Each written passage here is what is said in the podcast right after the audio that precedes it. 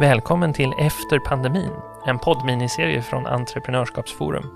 Jag heter Joakim Wernberg och i den här samtalsserien ska jag intervjua beslutsfattare, forskare, analytiker och företagare för att prata om ekonomin och återhämtningen efter coronapandemin. Idag har jag med mig Pernilla Johansson som är seniorekonom på Swedbank Makroanalys. Välkommen! Tack så mycket! Ni har ju eh, börjat titta på korttransaktionsdata för att förstå vad som händer under pandemin och för att analysera ekonomin i stort. Kan inte du berätta lite mer om det här? Det gör jag gärna, men jag skulle vilja börja med att ta ett steg tillbaka och prata om, om realtidsdata som ju mm. är en indikator och som visar vad som händer just nu. Eh, och den krisen vi är i nu är ju en ny typ av kris och väldigt svårt att veta vad som egentligen händer. Mm. Och Det man kan säga också är nytt i den här krisen är att vi också i större utsträckning använder den här typen av, av realtidsdata för att förstå. I tidigare kriser har vi eh, förlitat oss ganska mycket på undersökningar, förtroendeindikatorer. De släpar efter eh, några veckor och de fångar bara en del av populationen. Och mm. Den här typen av undersökningar bygger också mycket på vad vi, vad vi tror och vad vi säger att vi ska göra. Så det som är poängen med att titta på realtidsdata, det är ju att den visar vad vi faktiskt gör och vad vi gör just nu. Mm. Det är väl i det sammanhanget man ska se den här transaktionsdatan då som vi har börjat jobba med.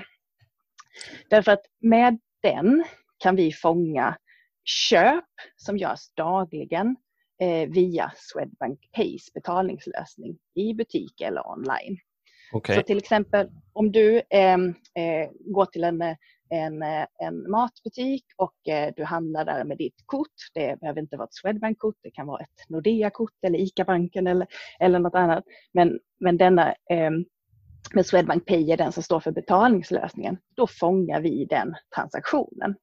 Och det innebär att vi fångar ungefär Eh, I genomsnitt under 2019 så fångade vi 5,7 miljoner transaktioner dagligen, vilket mm. vi uppskattar till ungefär eh, lite mer än, än, hälften av alla transaktioner som görs. Så det ni ehm. ser är inte mig som enskild kortbärare utan det är själva betalningarna, betalningsstationerna som är er analysenhet? Då. Precis, precis. Eh, så att vi, vi fångar betalningsstationen i butik eller om den görs online via då eh, Swedbank Pays lösning. Och hur ser det här ut under krisen nu då? Vad, vad ser ja, vi för mönster? Eh, det är väldigt tydligt om vi tittar på då total omsättning, alltså inte antal, antal transaktioner utan total omsättning, hur mycket vi faktiskt, faktiskt handlar för. Eh, så ser vi att eh, eh här från början av mars när eh, coronaviruset fick fäste i Europa då ser vi först en väldigt tydlig hamstringseffekt. Eh, vi ser en vecka där eh, eh, omsättningen inom eh, framförallt de matbutiker går upp väldigt kraftigt. Mm. Och därefter ser vi då hur den totala omsättningen eh, faller. Eh, och eh, som mest så är den eh, i mitten av april ungefär drygt 20 procent lägre jämfört med samma tid förra året. Mm. Så först en, en snabb väldigt snabb uppgång och sen eh, en snabb nedgång med som lägst drygt 20% lägre omsättning. Mm. Så det är ju det är ett väldigt dramatiskt förlopp får man ändå säga, där det väldigt snabbt eh, eh faller. Eh, och därefter då, från mitten av april, så ser vi också att det har skett en, en, en sakta återhämtning, för då ser vi hur det bottnar och att omsättningen börja förbättras något. Eh, okay. Och det vi ser här nu i närtid är att när vi kommer till ja, kring midsommar, då är den totala omsättningen tillbaka på samma nivå som, som förra året. Ehm, så att vi har haft liksom ett väldigt, väldigt snabbt eh, eh, omsättningstapp och förlopp får man säga ner. Men vi har också sett en återhämtning där vi då är tillbaka på förra årets nivå här i, kring midsommar. Betyder det, vi, alltså, vi, vi spenderar lika mycket som vi gjorde tidigare år, men jag misstänker att vi kanske gör det på andra sätt än vad vi har gjort tidigare år? Ja, eh, det är oerhört stora skillnader får man säga mellan branscher. Och det man kan se i stora drag är att vi, vi handlar eh, jämfört med förra året mycket mer i matbutiker. Vi köper mer eh, hemelektronik och annan hemmafix, eh, om man tänker sig inredning, eh, saker du köper på ett byggvaruhus som, som du, mm. som du är, ja, saker du gör liksom och fixar med hemmet. Eh, där, eh, där är omsättningen högre än, än förra året. Däremot så spenderar vi betydligt mindre på och det här är vad man kan förvänta sig givet vad det är för typ av kris vi är inne i. Vi, handlar, eh, vi lägger mindre på flyg, resetjänster, hotell, restauranger men också på kläder och skor och liknande. Det är intressant. Ehm. Du får, ni fångar ju i princip, det är flera i den här poddserien som har tagit upp att eh, företag drabbas inte som en homogen grupp utan att det finns skillnader. Men ni fångar ju väldigt konkret och kvantitativt efterfrågesidan egentligen av hur, hur eh, de förändrade beteendena slår i ekonomin. Ja, ja, det vi fångar är ju kan man säga konsumenternas beteende, den, den inhemska ekonomin eller efterfrågan där och där ser vi ju då väldigt eh, tydligt hur, eh, hur konsumenterna faktiskt har, har ställt om mm. eh, och, gjort det, och gjort det väldigt snabbt. Men vi kan också se att, eh, ehm, som jag sa, vi såg att det bottnade här i, i mitten av april. Mm. Eh, och inom de flesta branscher kan vi ändå se en, en förbättring nu. Eh, om vi tar hotell och restaurang till mm. exempel, så var omsättningen då ner ungefär 50 procent i mitten av april jämfört med samma tidpunkt förra året. Nu i juni spenderar vi fortfarande lägre. Eh, vi spenderar mindre på hotell och restaurang men mm. det ligger 25 procent lägre jämfört med förra året. Så det har skett en förbättring men vi, vi spenderar fortfarande betydligt mindre. Mm. Ehm, och eh, till exempel vad gäller flyg och resor ser vi i princip ingen förbättring. Så det är väl det som är väldigt tydligt här att, att vi har haft eh, ett stort tapp, kommit tillbaka, men det vi har kommit tillbaka till är en helt annan eh, sammansättning eller vi spenderar eh, eh, våra pengar på, på, helt andra saker än, än vad vi gjorde eh, före krisen. Så eh, vi pratar ofta om att det kommer att krävas eller det här kommer att sätta igång en strukturomvandling i näringslivet. Men vad du säger är att det har egentligen redan delvis skett. Vi vet inte hur mycket som kommer att, att svänga tillbaka men det har delvis skett en sån förflyttning i konsumentled redan. Men i termer av en ekonomisk kris då, så är det här alltså inte en kris där folk sitter, eh, spar pengarna i madrassen utan, utan det är verkligen så att vi spenderar lika mycket nu som vi gjorde för ett år sedan, men på andra sätt. Ja, eh, det kan man säga. Sen är det ju så att, att vi är tillbaka på samma nivå som förra året. Eh, det säger att vi inte har tappat något jämfört med förra året, men mm. om vi tittar på, på liksom den tillväxtbana vi var på så kanske årligen så brukar eh, den totala omsättningen eller, eller, den totala konsumtionen i löpande pris öka med en 3, 4, 5 procent. Så vi är ju inte riktigt tillbaka där. Eh, men, ehm, men absolut att vi, eh, att vi ändå är, är, tillbaka men att vi då eh, har ändrat vårt beteende. Och det är ju det som är så att säga intressant tycker jag, det du är inne på just nu. Var det då tillfälligt av att vi just nu har ehm, ehm, restriktioner och att vi har en eh, fortsatt osäkerhet kring smittspridning. Och vad är egentligen mer eh, permanenta eh, beteendeförändringar?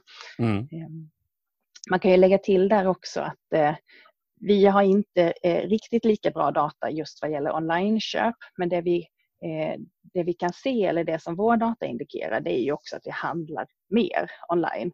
Och det mm. finns det ju många andra datakällor som, som bekräftar. Eh, och det där är väl kanske eh, en av de, de trenderna eller den, den förändringen, beteendeförändringen som många i alla fall tror kommer att bli mer, mer permanent. Det var en krypande beteendeförändring innan pandemin men nu har den nu har den så att säga fått en skjuts i ryggen. Men om vi eh, tittar på den större bilden här då, utifrån de data som du har tittat på och de analyser ni har gjort, Finns det några lärdomar vi kan ta med oss in i den ekonomiska återhämtningen efter pandemin? Finns det någonting, några, eh, allt som gäller framtiden är förstås gissningar, men finns det några kvalificerade gissningar vi kan ta med oss in om hur vi tror att den här återhämtningen kommer att se ut? Men det första man kan, eh, kan konstatera, eller som den slutsats som jag drar av det här, det är ju att det blir väldigt tydligt att eh, krisen slår olika mot olika branscher och det betyder också att återhämtningen blir väldigt olika i olika branscher. Att mm. återhämtningen blir, blir egentligen ojämn sett från olika branscher och företagsperspektiv. Eh, vi eh,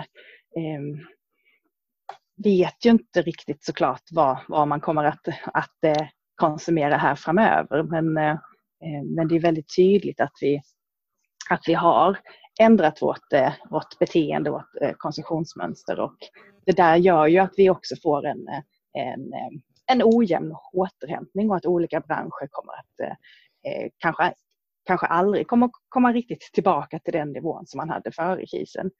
Ehm, det man kan säga som jag nämnde kort innan är ju att där vi har inte har sett någon förbättring än, det är ju inom flyg och, och resetjänster. För mm. det kanske är den bransch som eh, inom, eh, om man ser till de här eh, liksom, konsumentbranscherna, som, som kommer åtminstone i alla fall att ta längst tid på sig att, att återhämta sig. Och den är också beroende av inte bara restriktionerna i Sverige utan också i andra länder där flera då i, i nuläget eh, mm. signalerar att de helt enkelt inte vill ha svenska mm. resenärer. Så det skapar ju en mm. osäkerhet på två nivåer egentligen. Men om vi ser den här branschskillnaden då kommer ju det rimligtvis också betyda att vi ser stora regionala skillnader i hur den här krisen slår. Ja, eh, absolut. Eh, det, det, tror jag. Eh, och det, det, såg man väl egentligen redan när man är eh, i det första skedet av den här krisen när vi såg att det var framförallt eh, hotell, restaurang, eh, resor som, påverkades.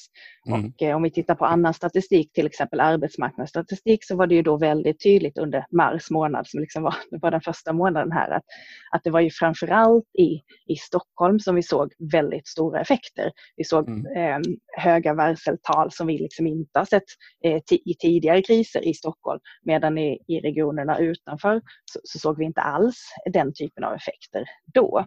Så att ehm, jag tror definitivt att, att, eh, att eh, de här branschskillnaderna också gör att vi ser stora regionala skillnader.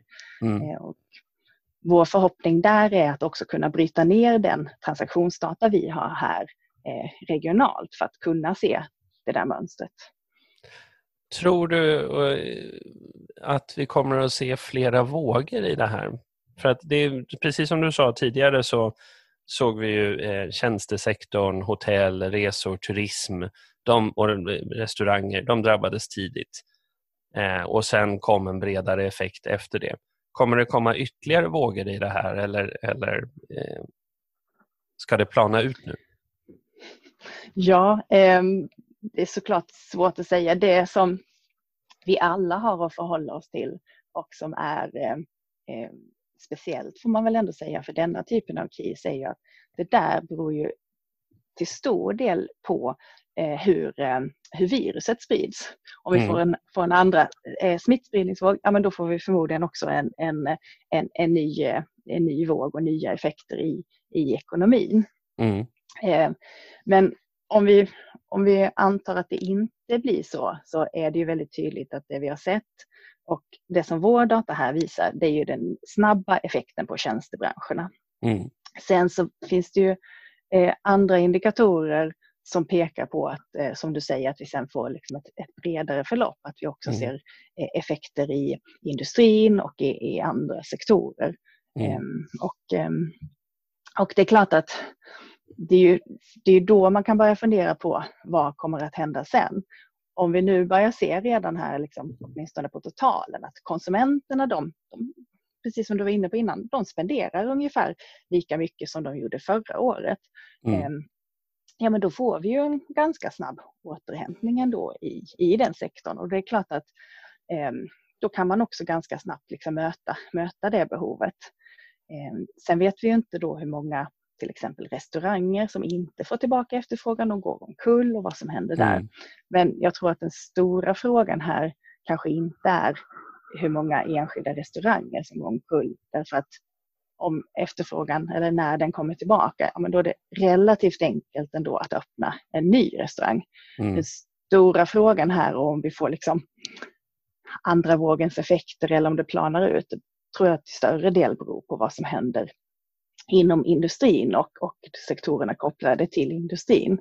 För får du väldigt stora effekter där, du eh, eh, kanske får konkurser inom industrin, ja, då har du en helt annan typ av kapitalförstöring och mycket, mycket svårare att bygga upp den, den typen av verksamheter igen. Så att eh, eh det beror lite på, men ska man dra någon slutsats här och leta efter de gröna skotten i det här så är det i alla fall mm. att den delen av ekonomin som liksom är den här efterfrågedelen eller där, där vi som konsumenter spenderar pengar, där, där ser vi ju ändå eh, både hur det har liksom planat ut och eh, förbättrats. Så där, mm. där finns det ju ändå en del, eh, en del positivt liksom att, att, att se framför sig.